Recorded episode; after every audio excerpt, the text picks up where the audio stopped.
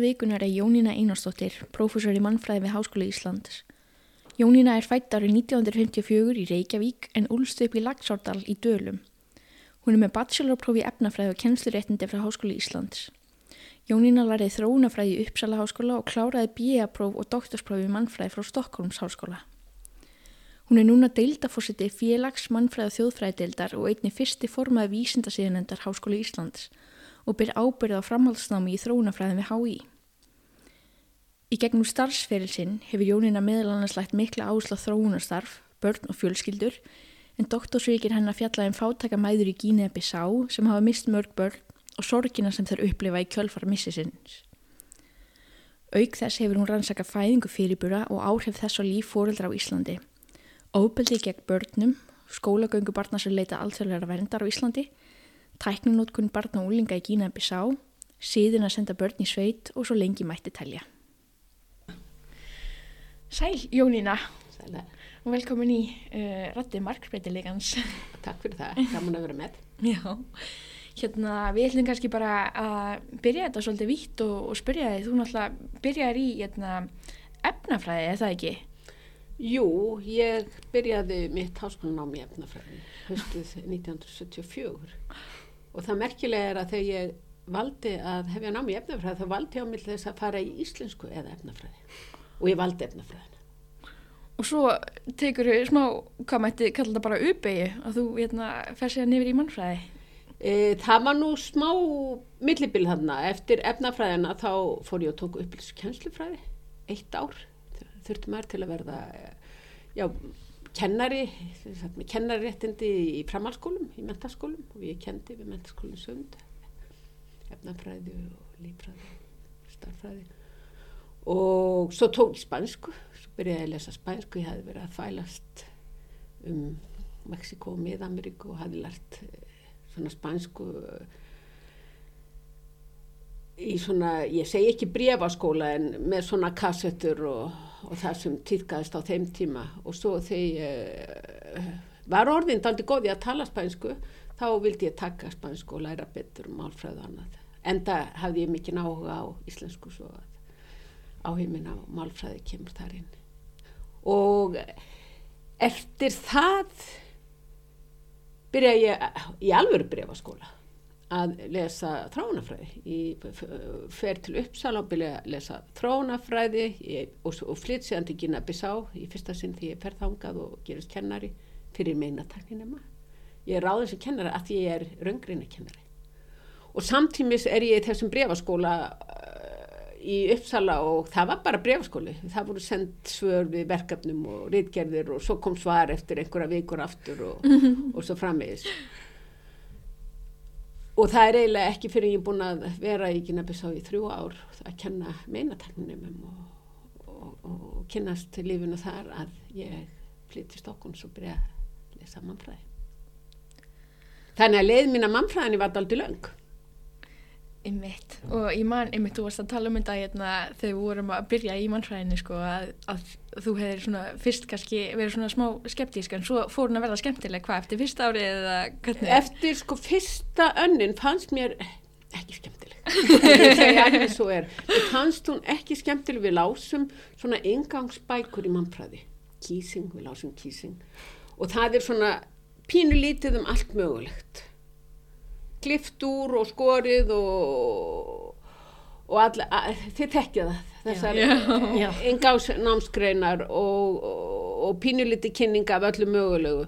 Mér fannst það ekki skemmtileg en ég held samt áfram og bara strax á annar ön þá byrja ég byrja með að lesa Mary Douglas og Levi Strauss og fleira sko að, og eftir það bara hæ, hætti ég ekki fyrir ég maður búin með doktorspróf. Gaman. Og varstu þá, svo ferðu inn í helsumannfræði svona meðfram því? Nei, eiginlega ekki. ekki. Allir minn grunnur uh, í námi er síkild.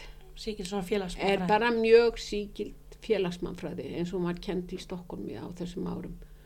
Og uh, já, við lásum þetta síkilda og í, í dóttorsnáminu þá var mikið lagt upp bara lesa mikið um sagt, svæðabundið. Ég vildi endilega fara og gera, byggja mína doktorsreikir og gognum í Kynabissá. Ég hefði búið þar í þrjú ár og, og bara langað aftur ánga með þess að mjög hugulegt og notalegt samfélag eins og ég kynntist í þá og uh, þá byrja ég að lesa mikið um Vesturafríku og ég byrjaði og ætlaði að skrifa doktorsreiki um bröfstakjöf Já, sem er einstaklega spennandi viðfóngsefni. Það er svo spennandi, það er svo mikil tókstreita í, í brjóstakjöfinu. já, Tókstreita er brjóstakjöf fyrst og fremst líffræðilegt mál eða er það menningabundið mál um hvað snýst brjóstakjöf.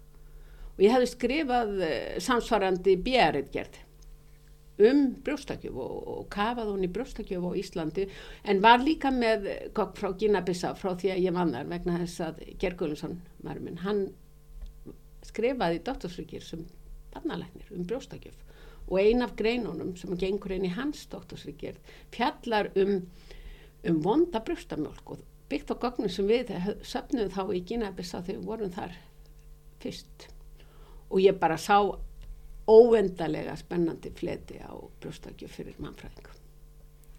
En svo er svolítið áhugavert að því að þú ert náttúrulega hérna, mannfræðingur og þú hérna, ert að fjallum um, Gínebbi sá mikið og eru náttúrulega búið þar og, starfa þar mjög lengi. Og svo líka bara kannski aðeins um hérna, um uh, já, önnur svæði í Afríku. En svo ertu líka búin að vera svona í vísinda hvað er það, vísinda síða Vísindarsýðan nefndi já, já, uh, svona sem mannfræðingur þessi svona mörkin milli þessa uh, já, þessi þróunar aðstóð og líka þessi kannski svona byrði kvítamannsins er þetta ekki svolítið svona hver ertu með ykkur svona finnst þér erfitt að starfa þarna á milli eða er þetta Mér hefur aldrei fundist erfitt að, hvorki að, að búa hann í starfa í Kynabissa. Ég held að mörguleiti að það sem hafi hjálpað mér mjög mikið er að ég var mjög lengi að blakagna fyrir mína dóttarsvíkir. Það tók mér fimm ár. Ég bjó í Þorpi fyrir utan höfuborgina, Kynjamel heitir það Þorp. Og aflaði gagna fyrir dóttarsvíkjörð og ég hef stundum, ég bæði gamna og alvöru satt, hefði ég hægt eftir eitt ár, það hefði ekki verið gott fyrir mig. Ég held að þá hefði ég byrjað að einblýna á það sem var öðruvísi, það sem var framandi, það sem að, já, einhvern veginn skar í augun, en eftir því sem að árin liðu og ég var alltaf að, sapna gagnum og þá er mikilvægt að taka fram að ég var hægt að fókusera á brjóstakjöf. Þá allt innum fer ég að fókusera og hafa áhuga á viðbröðum maðra við barnatöða. Og eftir því sem að ég var lengur og, og, og kynntist lífinu betur þá er það allavega mín trú, mér finnst við mannfólkið erum eitt og við erum miklu líkari hvort og öðru. En kannski mannfræðin hefur stundum vilja vera að láta. En við horfum ekki fram hjá menningarlegu mun en það, þessi menningarlegu munur byggist ekki á því að við séum öðrus fólk. Algjörlega. Þannig að þú varst að skoða svona uh, viðbröðin eða hvernig viðhorfið til fátækra maðra sem, sem að missa börn og missa börn, mörg börn. Já, og það sem sló mig það er náttúrulega þessi fræga bók Nancy Shepard Hughes Death Without Weeping sem að kom mér á sporið. Ég er búin að vera eitt metur í Gínabis á þegar ég fer skrætt til Stokkons sem þá var eh, sem sagt, þar var ég í doktorsnámi og er einn kunningi minn hann hafi verið í Brasilu og hann svona hnippir í mig og segja hér er bók, þú ættir að lesa þessa bók og það er Death Without Weeping. Og ég, mér tekst að redda mér eintæki og byrja bara að lesa hann í flugun aftur til Gínabissá og mér fannst hún ótrúlega heillandi en það sló mig einhvern veginn allt var öfugt fannst mér, með að eins og ég hefði upplifað. Og þá var ég daldið ennþá að fókusera á brjóstakjöfun en þegar þú fókuserar og hefur áhuga á brjóstakjöfu og ert að einhvern veginn að reyna að sk- skilja hana þá náttúrulega kynnistu því að bönn deyja og mæður syrkja og, öllum flækjustugum lífsins, hvað það varðar. Þannig að ég bara eftir að ég las bókin þá skipti ég um spór í minni reitgerð. Viss að ég hefði góðan tíma vegna þess að ég ætlaði að vera lengi í Gínabissa. Ég var þann með maka og þremur litlum strákum, sonum okkar og uh, já, skipti um spór og eftir því sem ég einhvern veginn kynntist fólki betur og átta mig betur á því að ég tel því viðfáðsefni sem var að fást við þá það, það breyttið aldrei sín minni á, á mannin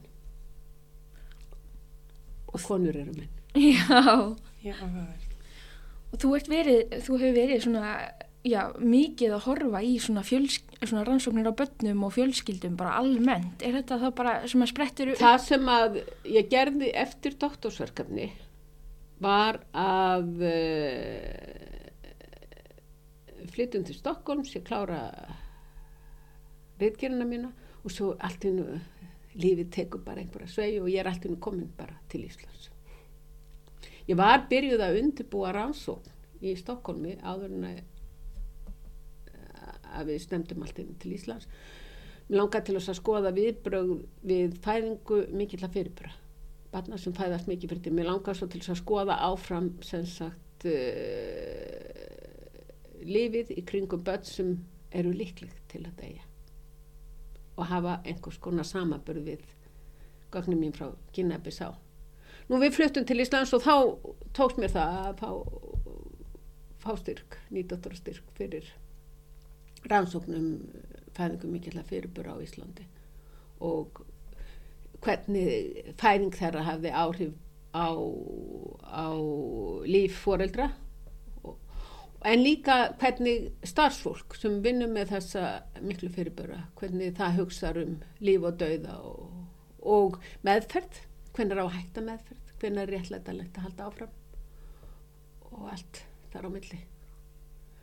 Þannig að ég hef daldið verið í því að uh, gera eins hliðstætt og hægt er rannsóknir á Íslandi og í Kynabessa. Annað dæmi um slíkt er að ég var dregin inn í, það var 2009 og var í beðin um að taka þátt og leiða rannsóknahópum um uh, mannsalböðnum í Gínabissa og sem uh, ég er er ennþá fórst í það við fásefni Gínabissa og núna með mannfrængi frá þú búið áru sem er að skrifa dóttursrykjur um það við fásefni hann var settur inn í þennan rannsóknarhóp sem sagt 2009 og svo þegar að við vorum búin að skila skýslu til UNICEF bæði hér heima og í Bissá þá heldum við áfram, við sáum að þetta og sem síðan leti til þess að, að það var ákveð hann færi í dóttursnám og myndi gera þetta við fórsefna sínu dótturs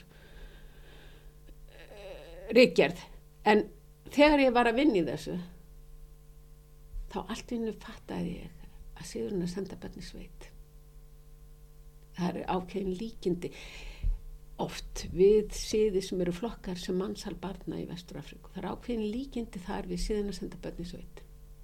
Gengur út á það að börn eru send til að dveljast fjari fóreldrum án samfylgdar fóreldra til lengri eða skemmri tíma. Og sem framhalda því þá hef ég unnið að rannsókn með styrkra og rannis um sem já, e, já við, þú líkur því verkefni aldrei en styrktímabilin er lokið með, og við skrifum, ég og, og ákveðin hópur sem mann mér að þessu skrifum byrtum 2019 þar bækur á íslensku, við vildum hafa það á íslensku um síðan að senda bönni sveit og svo er endalist að vinna með því gögn áfram. Þannig að ég hef svolítið verið í þessu að skoða hliðstaða siði og þið kannistu hugtækið fyrir handan. Fyrir handan? Já, fyrir handan. Hvað er fyrir handan? Úf, þú verður kannski að útskýra. Að hafa samband við lakna fyrir handan. Já, já jú, jú, já. já. Í samhengi þá. Já, þið þekki það. Þegar það er talað um fólk sem er látið í, í að minnstakosti aðið þar sem að ég dvaldi mest, þar er endalust verið að hafa samskipti við fólki fyrir handan. Og það er svo mikið að líkindum þar á milli Íslands spiritisma og, og hugmyndum um, um líf og dauða, hvernig sálir flytast á milli heima og, og samskipti, möguleg samskipti á milli he, heima samskipti þeirra sem lifi í þessum heimi og eru fyrir handan. Og það er svo merkilegt að þeir nota eiginlega alveg sama hugtæki sko í hinum heiminum sem þýðir fyrir Já. handan. Gaman að fá svona mannfræðilegt sjónarhóttna því að Gínea Bissá er kannski ekki eitthvað svona sem maður haldið að væri akkurat með eða svona, maður, maður hugsar ekki svona eins og til dæmis að send, síðan að senda börn út í sveit og það hafi eitthvað svona tengingu við eh, önnur lönd Já, það er bara, sið, eh, sko ég ekki tala um síðan að senda bönni sveit eh, bara fram á kvöld eða viljið. En, en uh, það er mikið út um allan heim.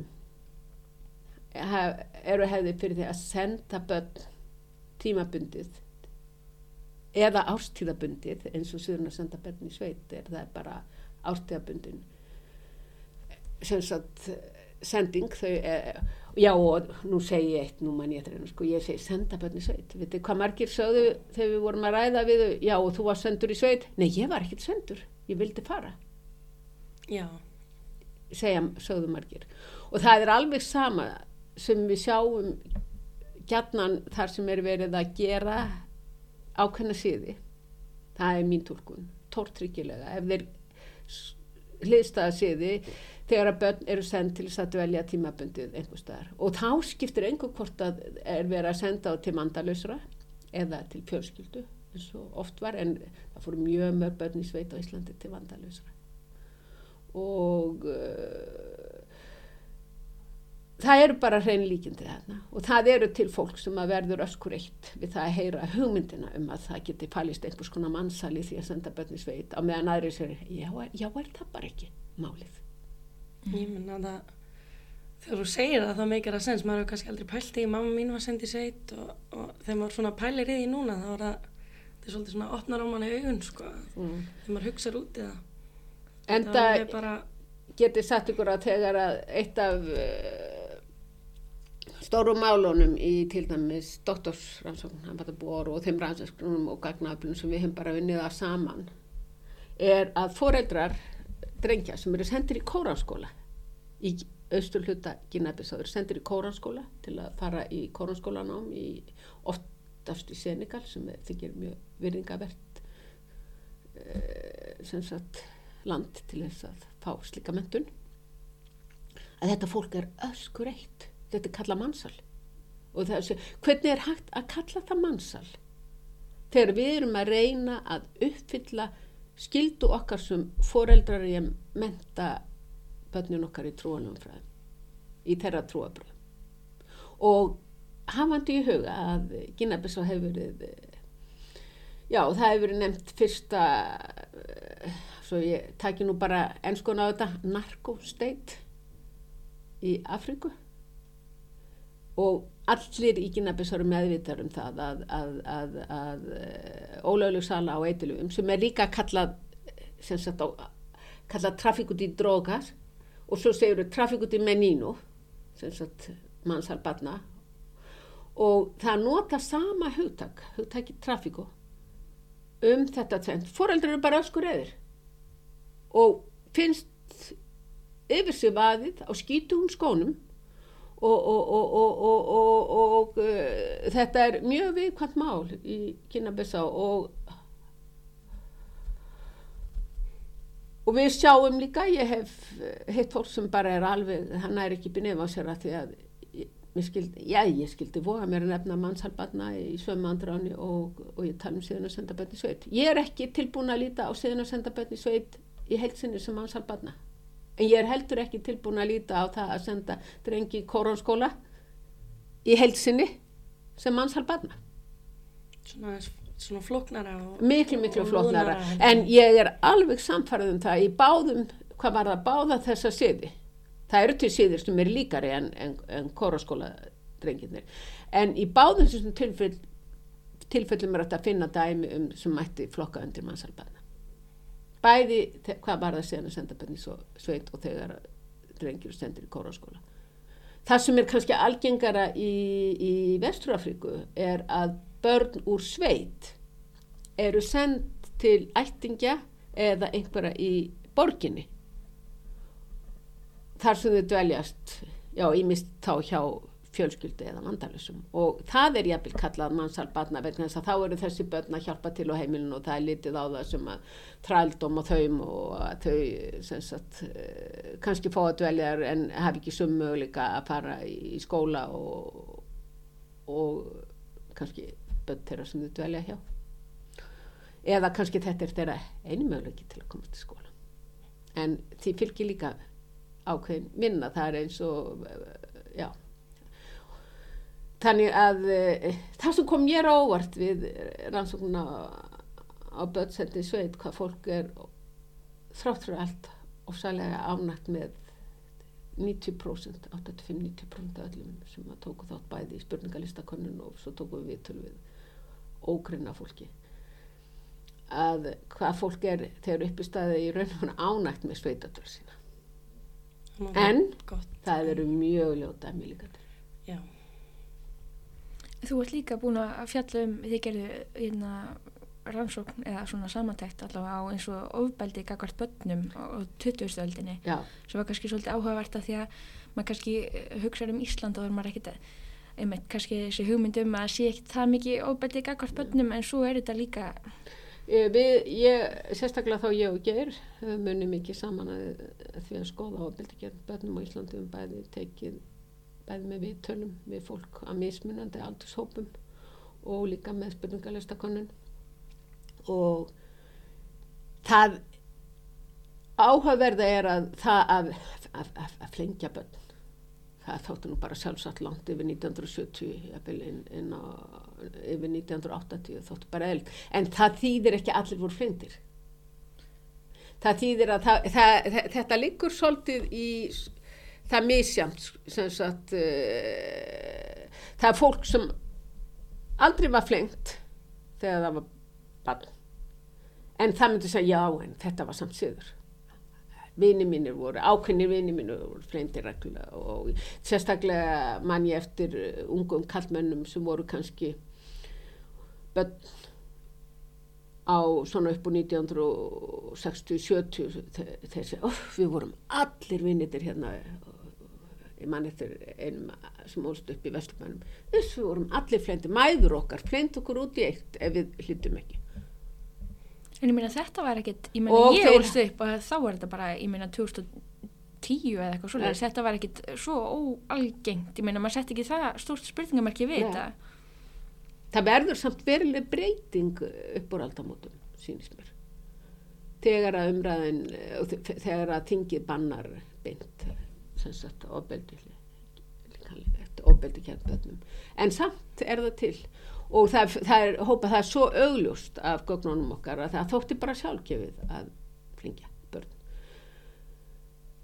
Og þess, e, einn af þessum strákjum hann eftir alltaf sko og það sé henni móðu minni. Hann, hann gæti bara ekki þakka hann í nósamlega fyrir að hann hefði voru algjör brálengur hefði hann ekki haldið hann og sé til þess að hann kæmi inn á þessum árun sem er svo áhugavert er svo að þeir virðist krökkum svona upp og kannski bara eftir stríð krökk, þeim er bara svona hlift út á mótnana, voru stórar fjölskyldur mörgböld, þeim er hlift út á mótnana þau eru kölluð inn í matmálstíma og þá var betra að hlýða. Og síðan var þessi á kvöldin þegar mátti ekki vera lengur úti. Og þá var líka aðladrið að komin, var, voru margir sem fengu skell maður eða flendu á þegar þeir komu of sendin og það er svona eh, ekki óalgengt að mæðurnar verða mjög ábyrrandi sérstaklega á þessum tíma vegna þess að feðunum voru svo fjárverandi miklu meira fyrir þau voru alltaf að vinna eitthvað starf eða út á sjó eða eitthvað Svo er líka með ofbeldi náttúrulega bara í formi svona vanrækslu og Já. svona, líka að tala um svona hótanir að það Já. væri Já, hótanir og uh, sem fellur þá undir andlegt ofbeldi Eh, það er og af viðtölum sem við tókum á ráða að fólk sem að uppliði bæði andlegt og líkanlegt ofbeldi það því fannst gætnan andlega ofbeldi verra. Hitt líður hjá en andlega ofbeldi það sest í sálina meira. Og þetta var aðalega þið voru að pæli í 20 stöld við vorum að pæli í 2000 og eiginlega hugmyndin á bakvið þessa rannsókninga var daldið sem sagt er hægt að breyta svona uppbyldisvennum. Það var svona grundvallar hugmyndafræðin hjá okkur. Sjáum við breytingu að það sé hægt að breyta, til dæmis hugarfæri að, að það sem að flengingar þykja sjálfstæðar svo allt innu sko, verða að það er refsiverðar eins og flengingin og hvernig það og, og við teljum okkur sjá já það er hægt að breyta verulega hugmyndum fólks um hvað sé heppilegt uppbyldi og að, að það sé best að láta of, ofbyldi vera og svo fyndi ég mitt að hugsa út í að því að ég man einmitt bara eftir þegar þessi löggjöf fór í Já. gegn sko og þá fannst mann þetta bara vá en svo ef maður hugsaði tilbaka bara ég var svona, ég ávegilega ekki að muna eftir þetta hefði átt að gera svo mikið fyrir að ofbeldi var bara leifilegt gagvart börnu þegar maður var lítill bara hvað Já, það, það er bara er ekki lengra síðan. Það er ekki lengra síðan. Í Gina Bissá til dæmis, að því ég eitti svo miklum tíma bara í samræðum við foreldra og sérstaklega mæður út, út í þortum og svona. Og ég- kannski, ég man alltaf, ég einhvern tíma kom ég að og það var verið að refsa einhverjum sem hefði gert eitthvað alvarlegt af sér. Og þá segir konan sem, tó, styrði refsingunni eða framkvæmdan og segja, ah, ég hætti núna, ég klára þetta þegar þú ert farin. Algjörlega, sagt, fannst alveg óþarfi að ég væri að vitna því meira en orðið var. Og svo hló hún og sagði, heppi núna. og er þá kannski meðviti um Er kannski meðvutum að, að ég kem úr öðru samfélagi og, og, og það er missamt og ég kynntist þið líka. Ég, ég fókuseraði svolítið á opbeldi gegn börnum líka þar og uh, þar eru daldið, það er, ef að barnið þitt brýtur gegn einhverjum í umhverfinu, þá er það skilda þín að taka á því með viðeigandi hætti. En það má ekki refsa börnum of harkalega heldur.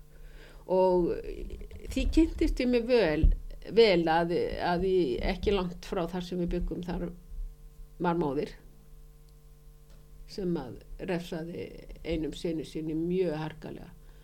Og það voru allar sko, konurnar í kringa að að ræða þetta sko.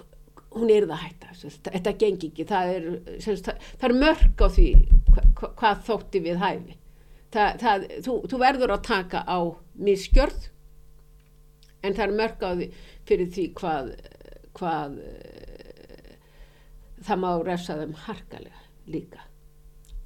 Og það þy- þykir ekki gott að refsa annar mannabönnum ef einhver tekur sér til og, refstar einhverjum annar bönnum þá ertu raun og verið að segja við foreldra þess bars, já þú sinnir ekki uppeldisluturkiðinu það er þitt að taka á þessum vanda sem er til staðar. Það er kannski svolítið líka bara alþjóðlegt þetta er það er mjög beint. algengt að, að, að það þykja ekki í lagi að refsa annar mannabönnum já, það er mjög algengt. Mannskeppnan er sér lík.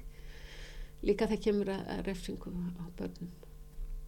Og margir sem að ég, ég bara segja frá þessum hérna unga manni sem að þakkaði móður sinni fyrir hvað hún hefði haldið góðu maga í kringum hann og, og hún, hún flengdi hann þegar að te, til þess þurfti.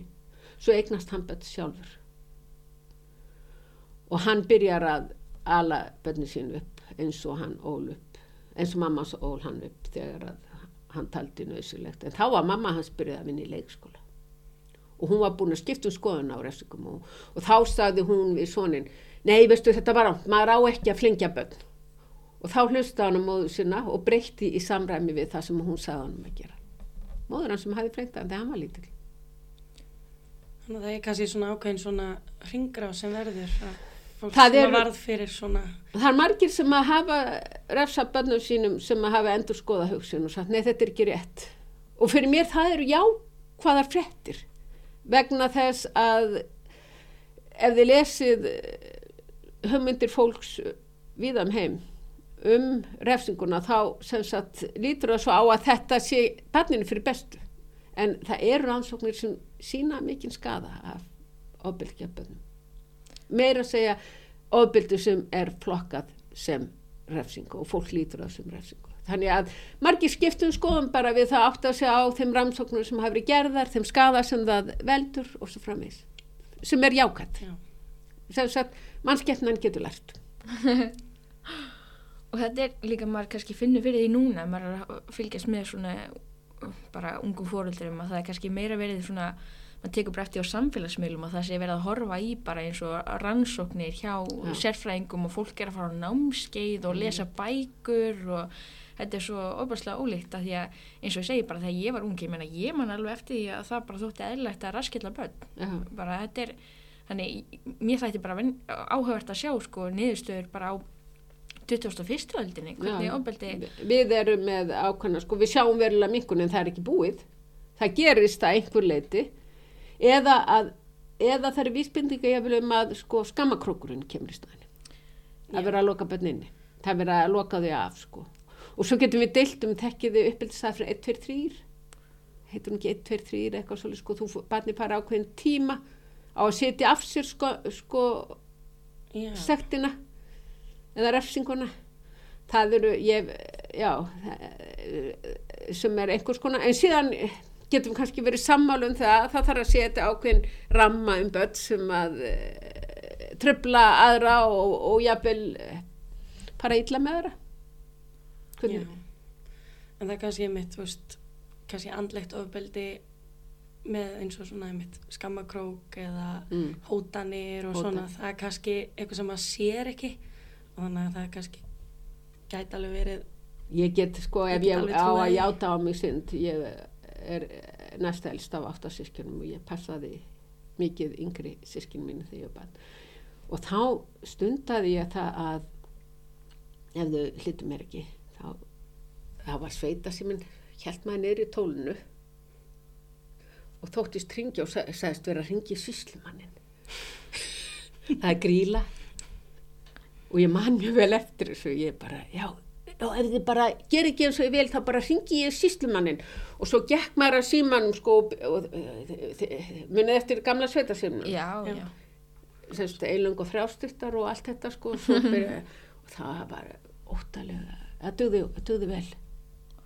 Já ég man líka að lauruglan hefur sett út svona vinsalast segja ekki börnunum ykkar að því sé að fara að ringi lauruglan eða Einmitt, vera sko. óþekk og, og svona þannig að maður man líka alveg eftir því að og gríla já, gríla þetta er nokkuð konar gríla sko, þetta er útvarsla á, á, á grílu að það er það er allavega ekki það er vonandi að minka en það er kannski eitthvað sem maður sér ekki alveg svona eins vel eins og og svo eru bara mörg svona fyrirbæri fjörulalar og annað sko sem er nota til að hræða börn svo fari ekki út í fjöru og hættulega stað. Ég er alveg sveit og það var búið að virkja bæjalækin og það var rafstöð.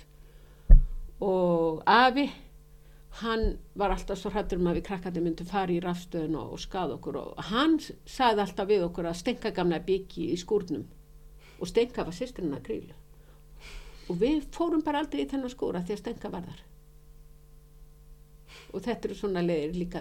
Slísavarnir eða hvað er maður að kalla það. Já, Eða spyrum hvort að setja, já stenka allir mér aldrei sko ótta að því tægi að ég er því söfbana vegna hennar en ég fór ekki skúrin já, og þegar ég kem í þennan skúr þá hugsa ég alltaf um stengu og það er kannski líka þekkt í öðrum menningum að, það er- náttúrulega þjóðsögur og annað sem eru bara slýsa varnir í rauninni já. þannig að það er En ég hef verið að segja ef ég hugsa um uh, feril minn sem mannfræðing, þá hef verið aldrei mikið í þessu að skoða hliðstæða hluti og fókusera mjög mikið á börn og, uh, og þeirra líf. Og byr, ég byrjaði með kotnabönnunum og þessum sem ekki lifði af allir þeirri sorgarsögu og uh, Ég hef líka alltaf haft mjög mikinn áhuga á spiritisma. Ég líti á mig sjálfa, ég er svona ateist, ég er alveg upp á ateiskan hátt. En las ógrinni af íslenskum bókum sem voru til í bókastafni framtælinga. Það voru þeir sem byggu fremst í lagsátalunum í dölum. Og mi- var mikið af bókum svona dulafull málefni það var bókarur sem hétt því gleymi ég aldrei og það voru svona samansapn af dulafullum upplifunum Íslandika.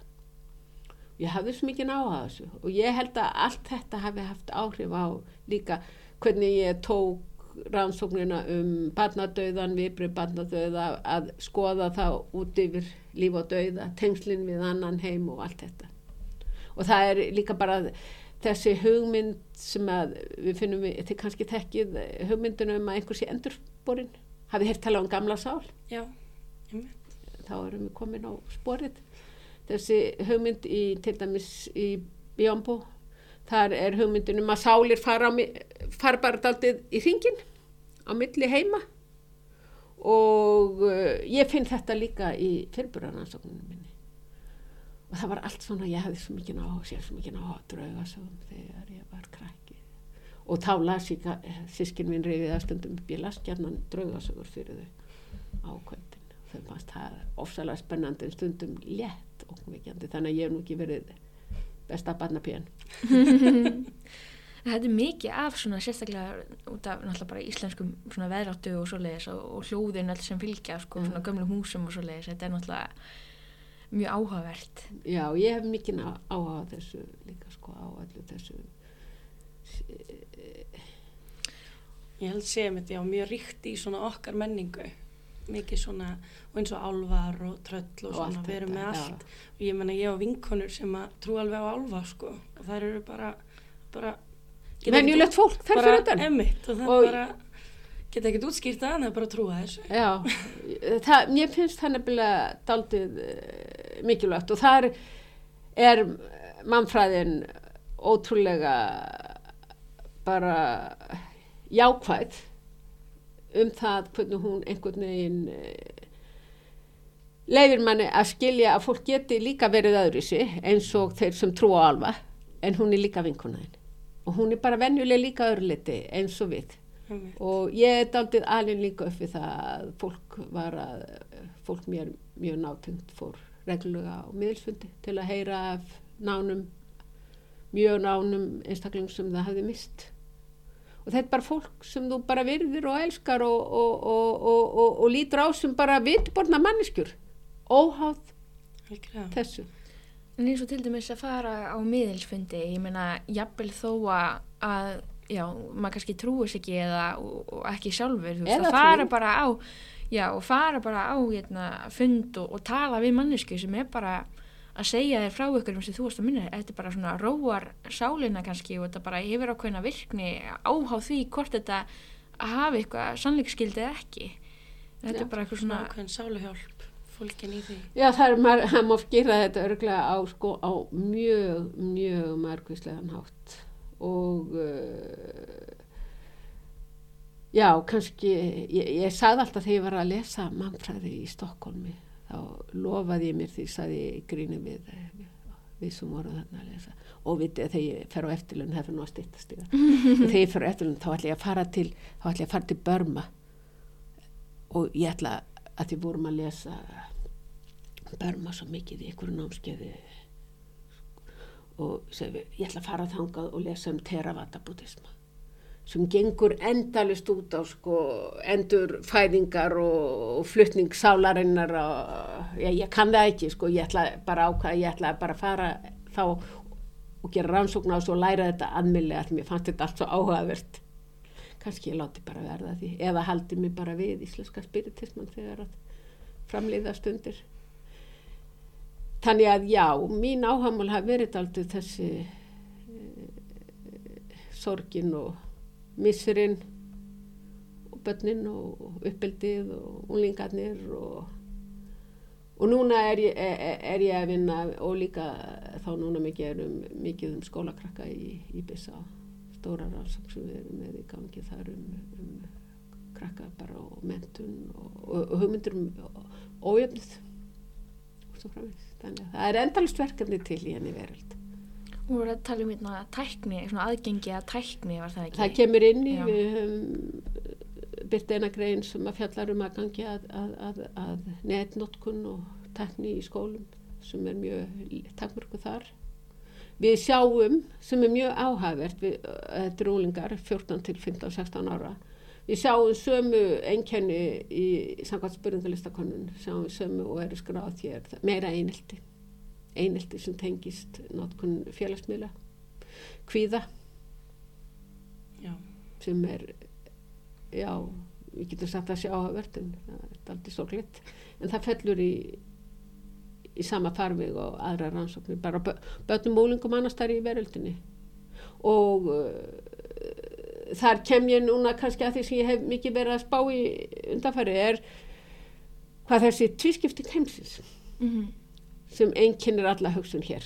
Það er annarkur glópa north eða glópa segi, er sett gjarnan eða við tölum um þróulönd og þróunarlönd, við tölum um ríklönd og fátak uh, það er þessi ofsalega tilheng okkar til þess að tvískipta heiminn.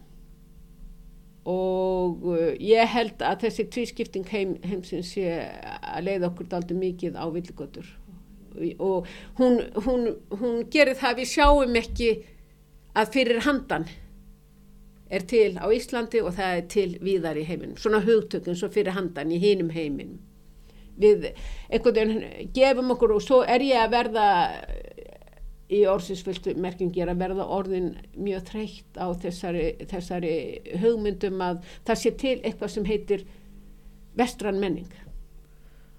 En bara eins og orðið þróun og, og þróunarlönd, þetta er Mm. náttúrulega þetta er mjög umdeilt að því þetta alltaf, gefur alltaf til kynna sko að við séum á sem stalli að horfa niður sko. og og hvernig er, þú veist, eins og að því að þú ert núna búin að vera að starfa mikið í hérna, Gínebisa og þú ert að tala um veist, að þau eru með minna, af, hérna, minna aðgangi af samfélagsmiðlum, en það Mm. kannski þú veist, er það endilega svo frábært að við séum hér með svo mikið af samfélagsmiðlum, er það að ég veit það ekki. Já, ég, ég held þó að þessir sömu úlingar já, myndu vilja meira aðgengi en þeir hafa.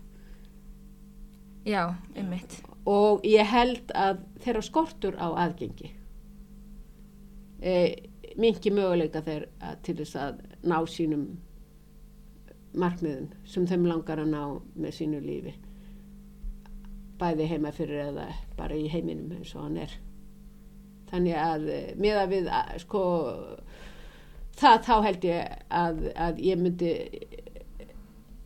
það, mér finnst sorglegt að þau skul ekki hafa meiri tölfur mér finnst leitt að segja það eh, frekar en að segja ég held samtími sem að, að, að okkar tölvu notkun og, og sérstaklega góðun í farsímann sé of mikið þá held ég að skortur á aðgengi að, að, að tölvum og, og, og, og, og tækifærum til náms og að nota teknina og læra á hana sé það sem þau myndu vilja verði list, þau vilja aðganga þau. Vilja betri kjenslu þau vilja, þau vilja þennan aðgang.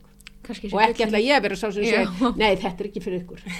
Nei, kannski þessi gullni með, meðalvegur sem að veri æskilegt að ná Þetta er svona eins og maður heyri stundum með neteinelti, þú veist, hvernig, hvernig getur þú verið fyrir neteinelti, lokaðu þau bara út, en minna, fólk vil bara vera með, þau vilja bara vera einmitt. hluti af af þessum og heimi. eiga bara að hafa réttindi til þess án þess að einhver annar sé eðilegja. þetta er flókið mál. Og, og snúið sko með net eineltið en það er mjög mikilvægt að átt að sjá því. Já, og það er mjög mikilvægt til ég átt að sjá því að það er líka vandamál þessum litla hóp sem að hefur aðgang að neti meðal þessara skólakrakka og úlinga í byssa það veldur líka, þeim líka vandra uh, já hérna með Gínu Bissá þá þeir núna þá að vinna í rannsókn á Já, við erum uh, aðal rannsóknir sem við erum að vinna í þar núna er uh, þessi úlingarannsóknir byssa og svo erum við ennþá að vinna um korunskóladrengina. Ég get til dæmis nefnt að, að uh, ég, ég hef uh, mikinn áhuga á betli.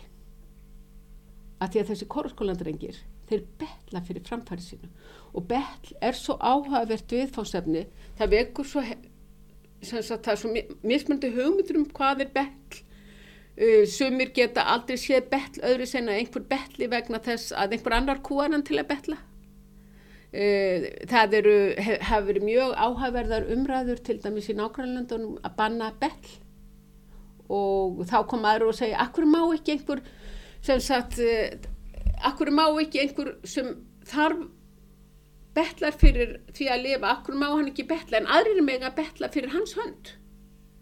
Allskinn samtök sem að ganga um og, og segja að við erum að hjálpa þessum með hinnum það þykir sjálfsagt en þegar við komum til að fyrir að betla sjálfur þá sem sagt finnst okkur gerðnan eða mörgum að það eigi að banna það betl. Það eru mjög áhugaverð ég er mikið áhuga á umræðu um, um hvernig við viljum stýra og banna betli og taka í raun og veru frá ákveðnum einstaklingum mögulegan á að byggja hjálp.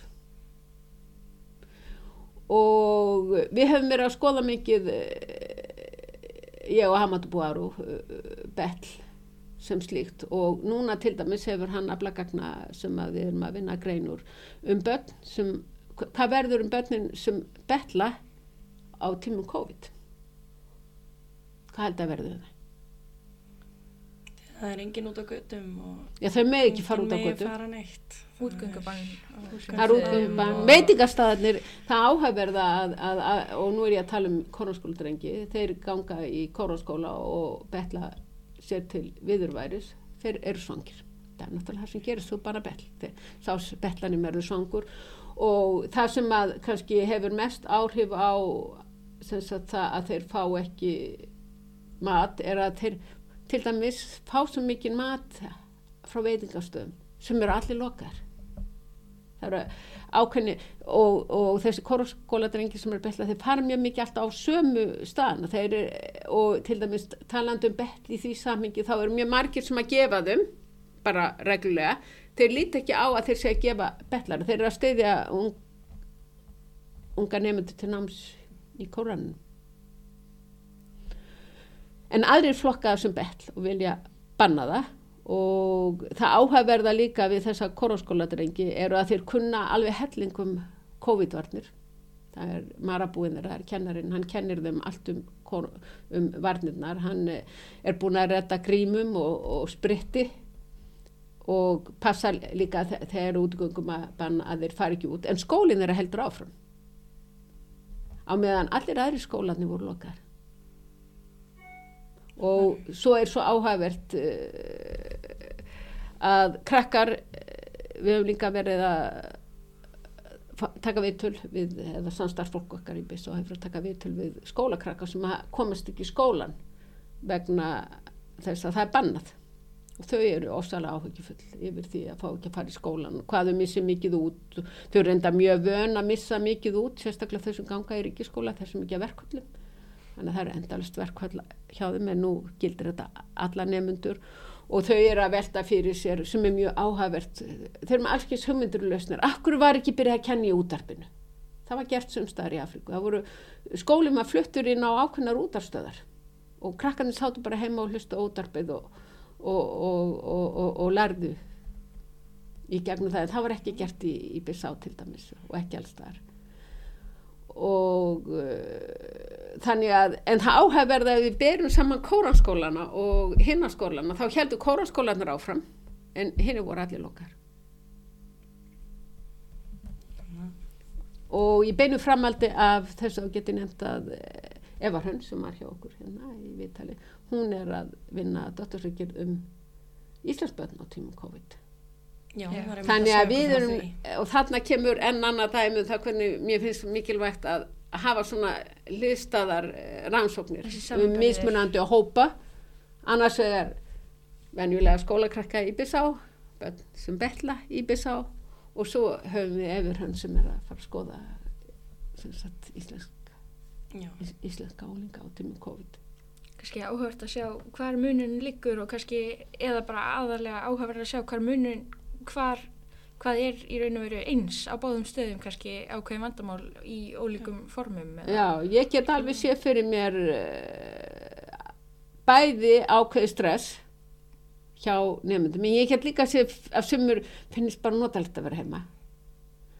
Og en það er auðvitað, við höfum eh, nú þegar vísbendingar um að skólakrakkandir í byrsa þau voru daldið og þau voru líka áhyggjufull, þau voru áhyggjufull yfir þessari lókun og þau voru líka áhyggjufull að að þau veit ekki hvað þetta verður lengi hættir þetta og ég ekki sé það er örgla hliðstað hliðstað hjá fólki hér, sko, krökkum hér. Óttin við að kannski heldur þetta bara áfram enn annað ár og annað ári viðbót og aftur og aftur og kannski verðum við að einhvern veginn alltaf stöðut að fara inn og út úr sóttkvíjar eh, málum og, og aðgerðum.